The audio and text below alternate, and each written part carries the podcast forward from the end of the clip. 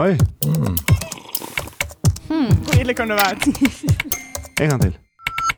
Hei, og velkommen til en ny episode av Jøss in Terrobang. Denne gangen live.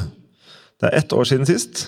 Det er fordi vi er tilbake på Golsfjellet sammen med 100 naturfagsformidlere og nerder og raringer. Kan dere lage litt lyd, eller?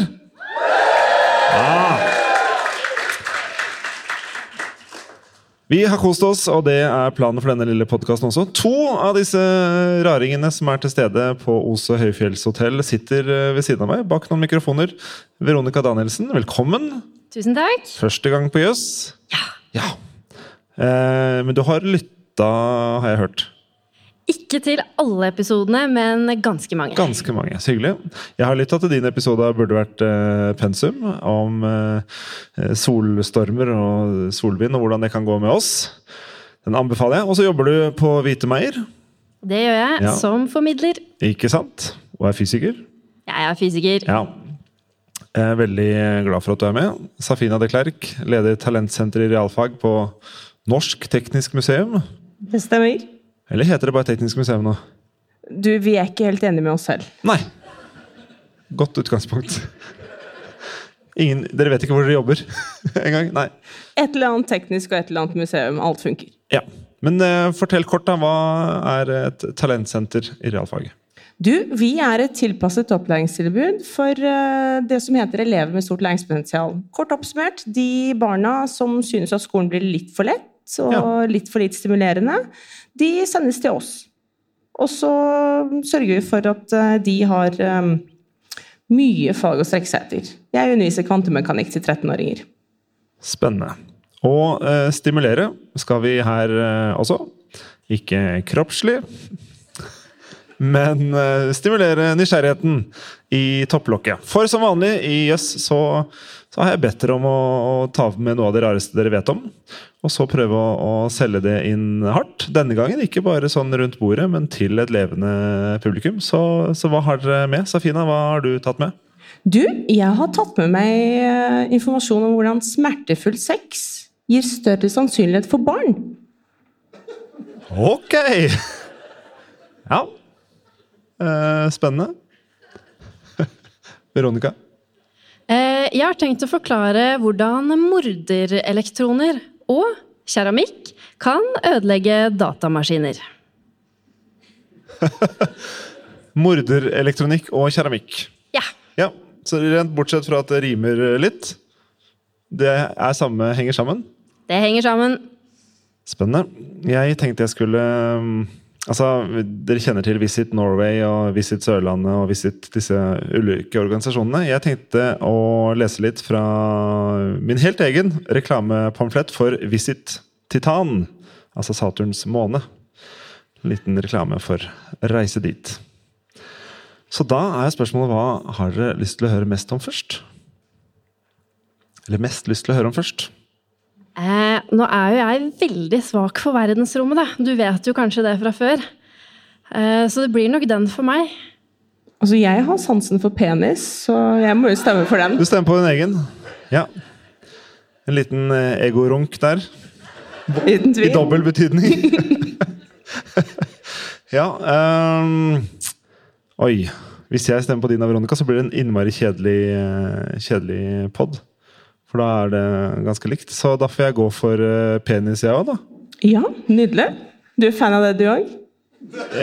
Veldig. Ja da, helt klart. Men smertefull sex, eh, ikke så fan. Ja. Jeg stopper der, jeg. Ja. tar vi. Nei, altså jeg tenkte å snakke litt om uh, altså kombinasjonen smertefull sex og penis i et evolusjonsperspektiv. Um, for jeg vet jo at på podkasten deres så har dere hatt mye om insektpenis. Mm, Så nå tenkte jeg å ta for meg pattedyrpenis. Ja. Um, og vi kan jo begynne med. Hukatta um, er en eh, løssluppen kvinne. Ikke for å slutshame katt unødvendig mye, men, eh, men det er faktum. Og det som er så fascinerende med katt, er at eh, hun får eggeløsning når hun pares. Oi. Så det er ikke noe som skjer på en måte fast. sånn som vi er vant med en del andre pattedyr, men ved paring så er det eggløsning. Så evolusjonen har da bestemt seg for at noe må jo stimulere denne eggløsninga. Um, så hannkatten har pigger på sin penis. Så hyggelig. Ja, det er knall stemning. Ja. Eh, så det som skjer, da Det er to grunner til hvorfor det er eh, pigger på, på hannen. Eh, den ene er ganske åpenlys. Hua kan ikke rømme midt under akten. Hvis du bokstavelig talt borrelåser deg fast. ja. Um, ting nummer to er jo at denne uh, penisen med pigger skraper opp på innsiden av uh, kjeden til uh, hukatta. Og det stimulerer til eggeløsning. Og det betyr da at en hukatt kan i prinsippet få et kull hvor det er to, tre, fire forskjellige fedre. Fordi at ved hver paring så kommer det et nytt egg. ja. Og det som er desto mer eh, creepy fra naturens side, er jo at eh, jo større, jo større kattedyr dette er, jo mer oppskraping trenger du for å stimulere til, eh, til denne eggløsninga. ja. Så når jeg går i Dyreparken eh, og ser på de største kattedyra, tiger og løve og sånn, så burde jeg egentlig se etter taggete penis. Ja. Det, eh, en løve må pare seg eh, som regel 80-100 ganger i løpet av en dag for å stimulere til denne eggløsninga. Eh, og det er jo det som gjør at du faktisk får um, cubs på engelsk, eller altså babyløver og babykatter. Ja. Det er denne smertefulle sexen. For uten den så hadde vi ikke fått denne eggløsninga. Men er, er dette også grunnen til de For jeg har hørt katter nattestid som jeg tror eh, har sex. Jeg har av og til lurt på om det er et barn som har falt ned i en brønn i nabolaget. Men eh, Eh, altså jeg må jo si at du, Jeg har jo hørt katter vræle på nattestid. Og det kan jo hende at det er liksom dette er lyden av hygge. Jeg tror jo alltid at de går, uh, går i trynet på hverandre og slåss, men det Ja. kan hende at dette er lyden av hygge. Og, og du har noen sånne rare evolusjonistiske grunner til hvorfor kjønnsorganene våre er formet sånn som de er. Um, menn har jo et kjønnsorgan, de også. Um, og den mannlige penisen er jo formet jeg liker jo, Min samboer er ikke så glad i det, men jeg sier at det ser ut som en sopp på toppen. ja. Sant? For det gjør jo det. Glansen Han er bare ikke så glad av at du nevner hans eh, navn, eller nevner han overhodet når du snakker om Og han er vant til mye rart, stakkar. Eh, Men den soppformen er helt intensjonell fra et eh, evolusjonsperspektiv. Ja. Og det Denne lille måte, koronalkanten, som det kalles, som er den liksom bunnen av soppen, den er der for å skape undertrykk når mannen penetrerer kvinnen, og for å skrape ut spermen til konkurrenter, til andre menn. Og dette kommer å si, steinaldertiden og lenge før det. For da vi hadde et sånt hunter-gatherer-samfunn, hva var det kvinnen gjorde når mannen var ute? Jo, vi, altså, vi skulle jo ha barn. Um, og da var det jo opp til evolusjonen å sørge for at uh, mann vant dette bokstavelig talte racet om å komme nærmest egget. Så for de av dere som i dagens moderne samfunn har samboere og kjærester og ektemenn og ektekvinner, når dere kommer hjem fra en tur på leirskole for voksne, så føler dere kanskje for at det behovet for, eh, for den intime akten er større, og du er mer vigør i den akten etter noen dager fra hverandre. Og det òg er en grunn til det. Den vigøren gjør at eh, man har en raskere penetrasjonshastighet. Eh, og det fører også til at man skyter lengre. Vi, vi er jo veldig glad i å eh, forske på deltakerne på Naturfagshelter. Vi også, det vet jo dere som er her. eh, Og vi er også veldig glad i å sende ut små spørreskjemaer, sånn at vi kan få inn data. Så jeg ser jo her mulighetene for å sende ut et data sånn. Hvor mange dager etter at vi har kommet hjem, skal vi sende ut? Hva tror dere? Men dette har blitt forska på. Ja. Det har! Det har det, det har det, og det var en gruppe forskere som simulerte dette her, vel å merke, ved at de lagde en, eh, en penis um, og en eh, kjede. Og så brukte de bl.a. Mycena mix som sperm. Og så justerte de størrelsen på, på glansen og denne koronalkanten. Og så at jo større koronalkant du hadde, jo mer fikk du dratt ut av denne Mycena-miksen som var der fra før av. Så dette er jo faktisk et tilfelle hvor vi kan si at størrelse teller. Jeg er tom for ord. Jeg vet ikke hva jeg Jeg vet ikke hva jeg skal si. Nei. Biologi er uh, artig. Enig. Det, det, der kan jeg signere. Litt, us litt usikker på, på, resten. Takk. Uh, wow. Ja. Uh, jeg syns det er vanskelig å gå videre herfra. Men siden du var glad i verdensrommet, Veronica en liten uh, altså Apropos reise bort da, og komme tilbake til sin kjære. Uh, her er en liten reklamepamflett for reise til uh, Titan. Saturns måne. Overskriften er selvfølgelig 'Opplev den magiske atmosfæren' på den største av Saturns 53 måneder. Faktisk så er Titan nest størst i hele solsystemet. Kun slått av Jupiters kjempemåne Ganymedes. Og eh, Titan er dermed også større enn vår egen eh, måne, og faktisk større enn planeten Merkur. Men til tross for at den er en av eh, de mest eh, ja, en av de kjempene da, i, blant månene i vårt solsystem, så har Titan ganske svak gravitasjonskraft. Jeg, for eksempel, ville veie 14 kilo på Titan. Uh, og er dermed et utmerket feriested for deg som er glad i hoppetau eller å spille basket. Nå er det sånn at uh, den gjennomsnittlige overflatetemperaturen er på ja, minus 178 grader celsius, som er litt kaldt. Selv uh, for de mest hardføre jordboerne. Det er jo fare for frostskader allerede rundt, rundt, null, som vi har her oppe på, på Golsfjellet. Så hvis det er en liten anbefaling for reisende til Titan Hvis du skulle få en trang til å slikke på jernstolper mens du besøker eh, månen, så er Visit Titans klare råd ikke gjør det. Likevel så bør, trenger du ikke å la temperaturen stoppe deg fra å besøke denne eh, steinklumpen. For um, og det finnes jo i dag ganske gode klær som gjør at vi, vi kunne kommet oss rundt. Altså Vi hadde klart dette en liten stund. For eh, Titan er jo også den eneste månen i solsystemet som er kjent for å ha skyer og en tjukk planetlignende atmosfære. Eh, ligner litt på jorda i at atmosfæren for det meste er nitrogen. Eh, men så tror vi da at den også inneholder en del hva skal vi kalle det, smog. Kjemikalier Eh, og denne smogen samler seg i skyer og så store konsentrasjoner at det regner litt sånn uh, giftige, bensinlignende væsker fra oven. Med andre ord, du får en ekte storbyfølelse dersom du legger ferien til Titan. Ta med en god paraply. Uh... Ja, som du ville gjort hvis du skulle til Tokyo eller New York. eller noe sånt. Um, og, og, det høres jo kanskje ikke så fristende ut med en måned der det nærmest regner uh, bensin fra oven. Uh, det kan jo høres litt ut som det er en, en, bombe som bare venter på å bli tent, men uh, da er det viktig å få med at det krever jo oksygen hvis det skal brenne, og det er det ikke omtrent på denne måneden. Eh, så tipset fra Visit Titan eh, til dere reisende er jo da å eh, være superforsiktig med de oksygentankene du tar med.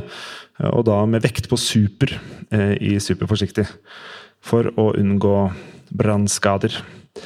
Um, det, jo, det, altså det, er ganske mye av, dette, av disse uh, lett antennelige stoffene hvis det hadde vært oksygen til stede. Det, antageligvis så kunne Titan konkurrert med Finland om å være de tusen sjøers uh, land. Um, og ligger også på Titans nordlige halvkule, sånn som Finland gjør her på vår kule. Um, og de uh, kunne det jo være fristende å ta en tur på, men det ville være eh, vanskelig å eh, padle, bl.a. fordi du ikke har noe særlig eh, motstand å, å dytte åra eh, mot. Og selvfølgelig også fordi det er ganske kaldt der òg, hvis du skulle dette i ja, over bord. Um, og det rare er jo da også at eh, av eh, at Du kan også glemme redningsvesten helt når du skal eh, ut på padletur, hvis du drar på padletur. Eh, av den lave tettheten til disse sjøene, kombinert med Titans lavere tyngdekraft, så tror vi at du aldri vil synke mer enn halvveis ned. Så kan du se for deg at du bader, og at det rekker deg til livet, bare. Det er en sånn pussig, rar eh, følelse. Og da ser vi selvfølgelig bort fra eh, badeantrekket som kreves for å overleve i disse veldig veldig kalde temperaturene. Men det beste kommer her selvfølgelig til slutt. Eh, luften den er eh, mye tettere. Titans atmosfære er omtrent 60 større enn her på jorda. Så det å gå rundt på Titan vil være omtrent som å, å være på bunnen av et svømmebasseng. Altså ikke umenneskelig, det ville vi klare. Og siden du er eh, lettere og luften er tettere, så tror vi at med noen store vinger festa til armene, så ville det være mulig å fly. Hæ? Og det er jo i hvert fall min eh, drøm. Så Titan ligger der ute og venter på deg. Hvis evnen til å fly er verdt eh, risikoen med eh, metaninnsjøer og minusgrader og alt det greiene der, så går det månedlige charterflyvninger fra Andøya Spaceport fra medio september 2042. God reise. Um, ja takk, men uh, Ja. Jeg vil, jeg vil, videre. Det er hyggelig at dere klapper. altså. Jeg er bare usikker på om, eh, om vi får det med på tapen. Nå må dere klappe for Safina. da. Ja. Det er hyggelig.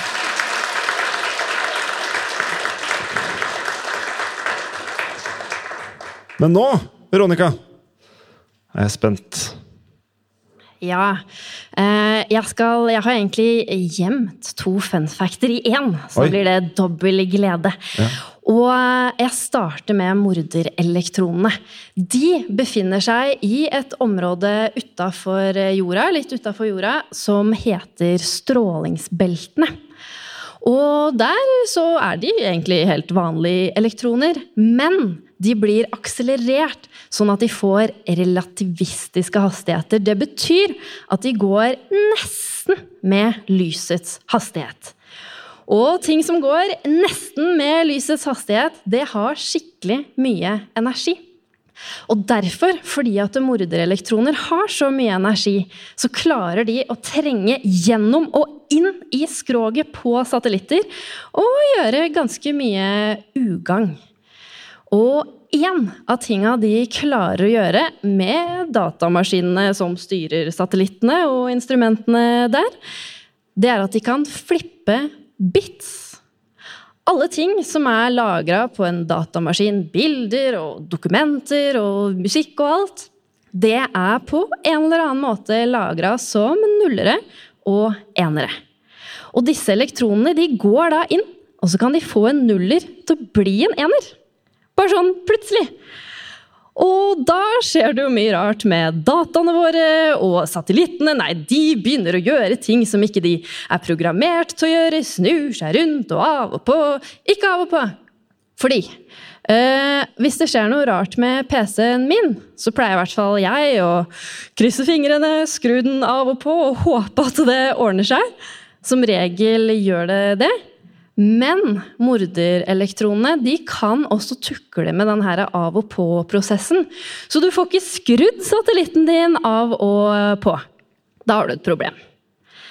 Det er selvfølgelig dumt, fordi satellitter er kjempedyre, og vi trenger dem til GPS-posisjon, kommunikasjon, værvarsling, banktransaksjoner.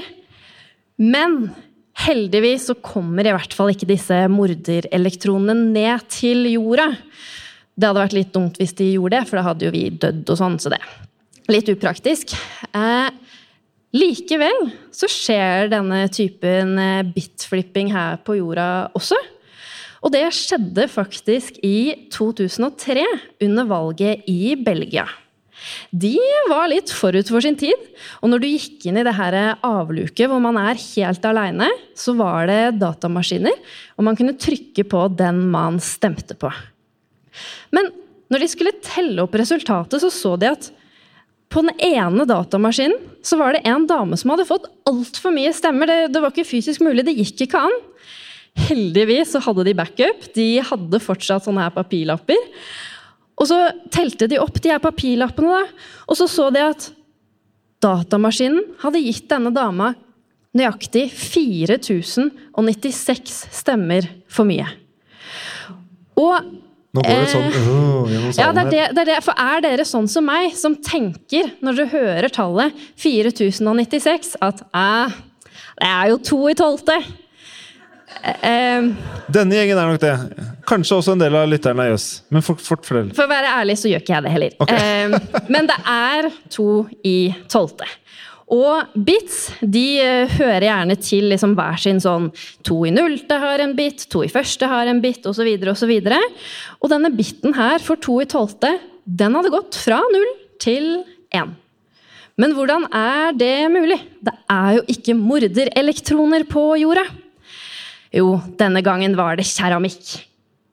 Det var rett og slett et lag med keramikk rundt minnekortet til denne her ene PC-en. Og i keramikken så var det radioaktivt thorium. Da kom det stråling som slo løs litt elektroner, og så fikk vi bitflippen her på jorda også, i denne ene datamaskinen. Så hvis du noen gang prøver å overbevise folk om at et valg er rigga, det er feil resultater Ikke si dette til eh, Trump. Eh, så ville i hvert fall jeg prøvd å bruke bitflipping som et mulig argument for hva som kunne ha skjedd. Dypt fascinerende. Ja.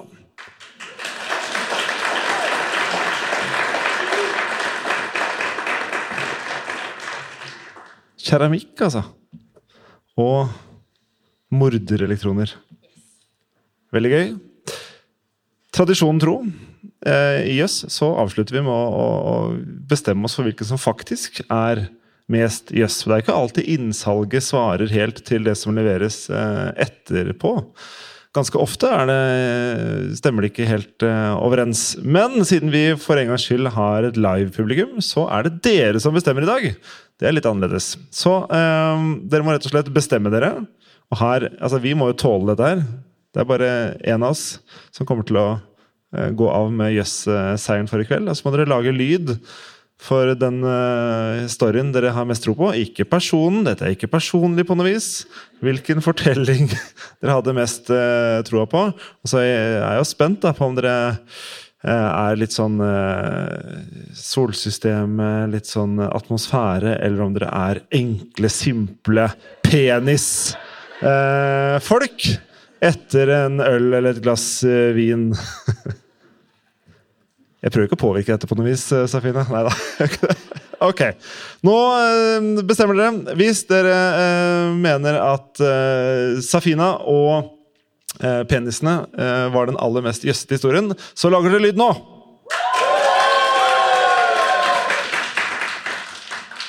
Hvis dere mener at det var Veronica, så lager dere lyd nå. Og hvis dere mener at det var min Visit Titan-pamplett, så lager dere lyd nå. Ohoi! Au! Au, au, au. Helt stille. Uh. Veronica, du tar med deg seieren hjem. Gratulerer!